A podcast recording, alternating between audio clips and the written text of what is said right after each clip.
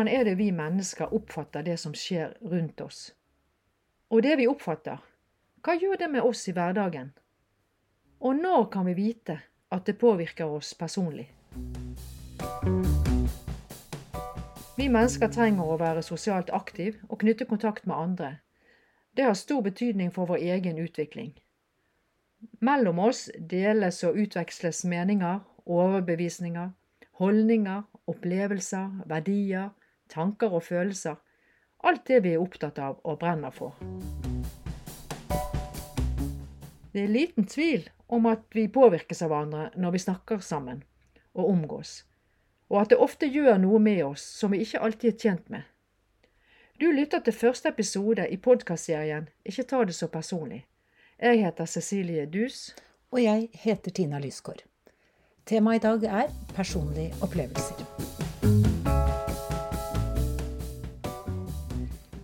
I denne podkastserien følger vi Anne, Ole på seks år og pappaen hans, det nyforelskede paret Ingrid og Joakim, og kameratene Mikkel og Eivind. Anne er ansvarlig for å drifte websidene til en liten frivillig organisasjon. Hun bruker mye tid og får kun et lite styrehonorar, men hun syns oppgaven er spennende og hun lærer mye nytt, og selvtilliten vokser. Men en dag får Anne en tilbakemelding som gjør noe med Anne. Hei, Anne. Hyggelig å se deg. I like måte. Eh, har du forresten vært inne på websidene våre? Ja, jeg syns de var skikkelig fine, men de er for lite levende. Syns du? Tilbakemeldingen om at websiden er for lite levende, treffer Anne midt i hjertet. Hun føler seg rett og slett urettferdig behandlet, og blir lei seg. Der fikk jeg den. Her bruker jeg kveldene mine på frivillig basis. Dette kan jeg ikke bare akseptere. altså Jeg må sende en mail og så må jeg fortelle hva jeg faktisk gjør. Anne kjenner på hendelsen hele kvelden, og hun oppfatter tilbakemeldingen som at hun ikke gjør en god nok jobb. Hun hadde planer for ettermiddagen som hun avlyser fordi hun har mistet lysten.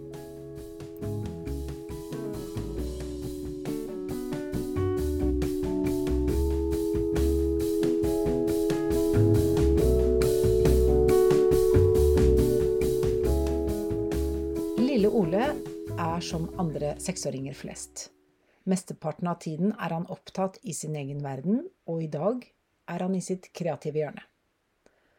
Han sitter på kjøkkenet, og han bestemmer seg for å tegne noe. Pappa, jeg skal bare hente pennalet mitt. Ole, pennalet ditt ligger i sekken i gangen. Det er jo ikke det pennalet jeg skal ha.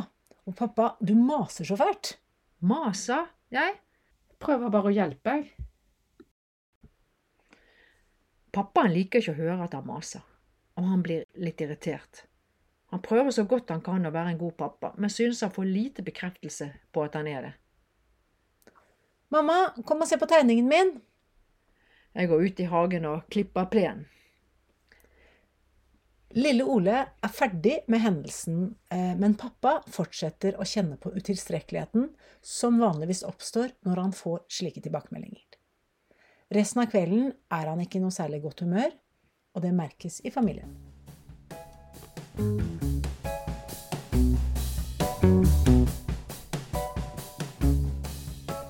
Ingrid og Joakim tilbakte helgen på hytten, helt alene.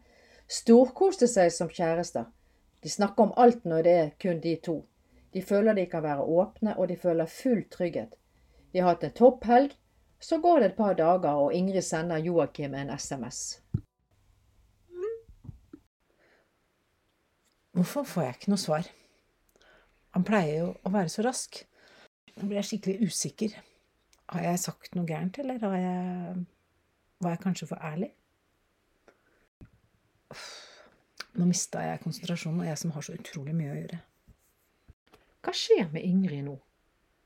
Tankene begynner å vandre rundt ulike scenarioer om hvorfor han ikke svarer. Resten av kvelden er han tom for energi. Nå får jeg melding. Jeg gidder ikke å svare nå. Når Ingrid våkner neste morgen, sender hun en SMS.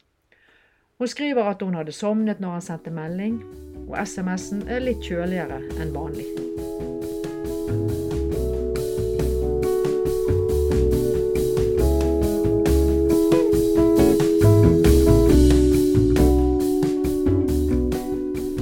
Mikkel og Eivind er to gode kamerater som har kjent hverandre lenge, og som er mye sammen på fritiden. Det er ett års forskjell mellom dem, og nå skal Eivind begynne på samme videregående som Mikkel. Eivind gleder seg til å være sammen med Mikkel i skoletiden, Eh, De ser hverandre ikke så mye de første dagene, men en dag ser han Mikkel sammen med klassekameratene sine. Hei, Mikkel. Der er du jo. Jeg har sett etter deg. Hvor har du vært? Hvem, hvem var det? Hvem var det der, Mikkel? Det er bare, bare en som bor borti gata. Hva skjedde nå? Mikkel snudde seg vekk og hilste ikke på meg. Så overlegen har jeg aldri sett Mikkel. Han lot som han ikke kjente meg. På ettermiddagen drar Eivind hjem til Mikkel. Hei, Eivind. Er det du som kommer? Hva var det du drev på med på skolen i dag? Du hilste ikke og var skikkelig overlegen. Overlegen? Hva er det du snakker om, da? Eh, visste ikke at du var så nærtagende. Herregud, her prøver jeg å være venn med alle, og så blir jeg kalt overlegen. Jeg er sliten yes, av venner som hele tiden forventer noe av meg. Hele kvelden går Mikkel og kjenner på at han blir kalt overlegen, og han dropper skolen neste dag, for han orker ikke å møte vennene sine. Dette er fire caser med ulike problemstillinger som vil være gjennomgående i hele serien. Anne, pappaen til lille Ole, Ingrid og Mikkel opplever svært ulike situasjoner, men de har alle ett fellestrekk. Vi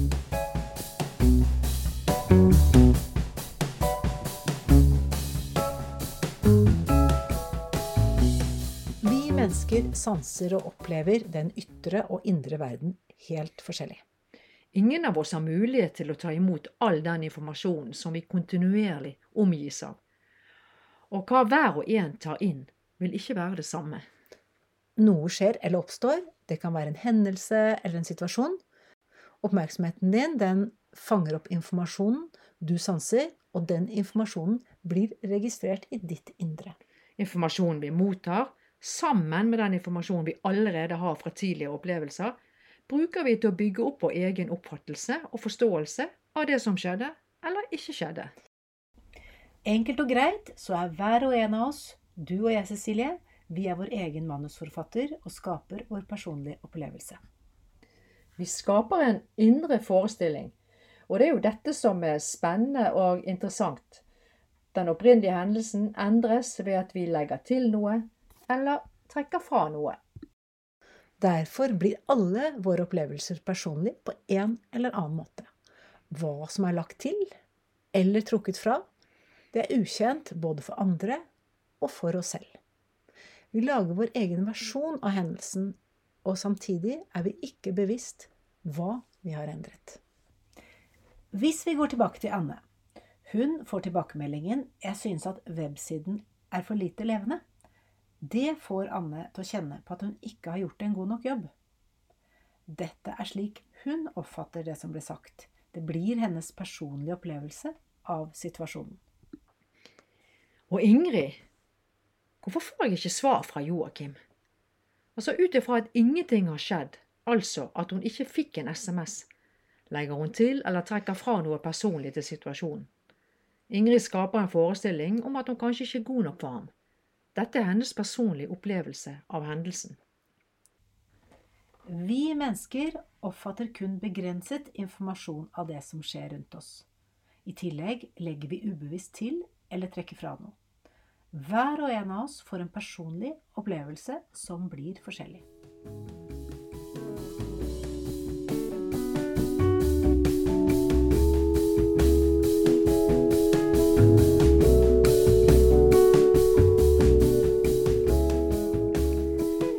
Vi sanser, oppfatter og registrerer, er det som oppleves som rett for oss. Det jeg opplever blir riktig for meg, og det du opplever, Tina, blir riktig for deg. Ja, altså Når vi deler personlige opplevelser, så kan det lett bli som å delta i en kamp om å ha rett. Der alle på hver sin måte har rett, eller ikke rett, Så når vi kommer i konflikt, så stanger vi ord mot ord. om hva som skjedde eller ikke skjedde, hvem som gjorde hva, Og hvem som begynte. og før vi vet ordet av det, snakker vi om flere tema på en gang, som ofte er knyttet til fortiden, det som har skjedd. Det får situasjonen til å eskalere. og vi er på vei langt bort fra utgangspunktet og enkelthendelsen som starta det hele. Pappa, du maser sånn. En liten uskyldig kommentar som oppsto fordi pappaen ønsker å hjelpe lille Ole. Men det ble ganske store konsekvenser ut av et lite ord om at du maser så mye. Pappa vil jo bare hjelpe, og lille Ole mener at pappa maser. Har ikke begge rett i sin opplevelse? Eller kanskje ingen av dem. Det vi selv oppfatter av det som skjer eller ikke skjer, er rett for oss. Vi snakker derfor om forskjellige ting, og det oppstår misforståelser.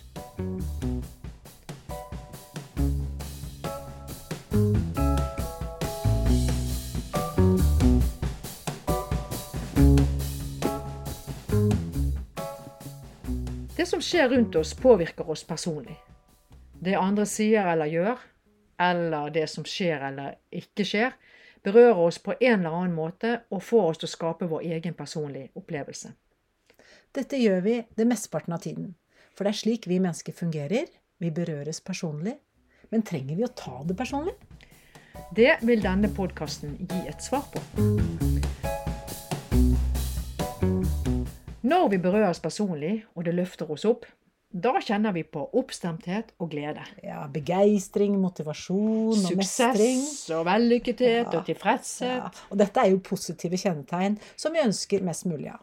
Men derimot, når vi berøres personlig og det trekker oss ned, da kjenner vi jo på noe helt annet. Sinne, urettferdighet, misunnelse. Ja, og det kan være utilstrekkelighet og manglende forståelse. Det kan være, det, dette er jo negative kjennetegn som vi absolutt ønsker minst mulig av. Men hva er det egentlig som skjer når vi berøres personlig på en negativ måte? Vi blir såret og lei oss. Vi føler oss krenket, kritiserer oss selv eller snakker ned andre. Ja, og det stjeler mye energi, og det tapper oss for krefter, og det trekker oss inn i tankespinn og negative følelser. Det kan ødelegge forhold og relasjoner, og det får oss til å kjenne på mistillit og svik eller tap av eh, nærhet og kjærlighet. Ja, det kan skape dårlig stemning, bitterhet og manglende respekt både for oss selv og for andre. Og i den ytterste konsekvens, hvis det negative varer i tid, kan det føre til at vi blir alvorlige syke.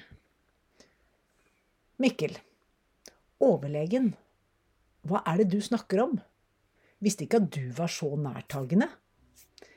Mikkel han kjenner på et press og liker ikke å bli kalt overlegen. Han tar det personlig, og han begynner med denne indre dialogen med å kritisere andre for at de krever for mye av ham.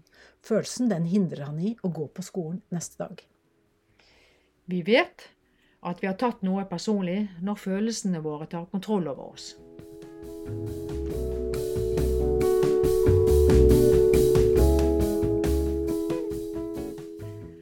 Anne og pappaen til lille Ole, Ingrid og Mikkel, de opplever svært ulike situasjoner, men de har et fellestrekk. De tok det noen sa eller gjorde, og ble berørt personlig på en eh, negativ måte. Mennesker er ulike, men har vi forstått og tatt inn over oss hva det faktisk betyr? Vi er forskjellige og selvstendige individer som har mye å tilføre hverandre, men dersom vi ikke er bevisst på hvordan vi berøres personlig av det andre sier eller gjør, skjer det noe uunngåelig med oss som slår tilbake på en selv. Du har lyttet til første episode i podkastserien Ikke ta det så personlig. Serien er produsert av Cecilie Dus og Tina Lysgård. Musikk av Cecilie Dus.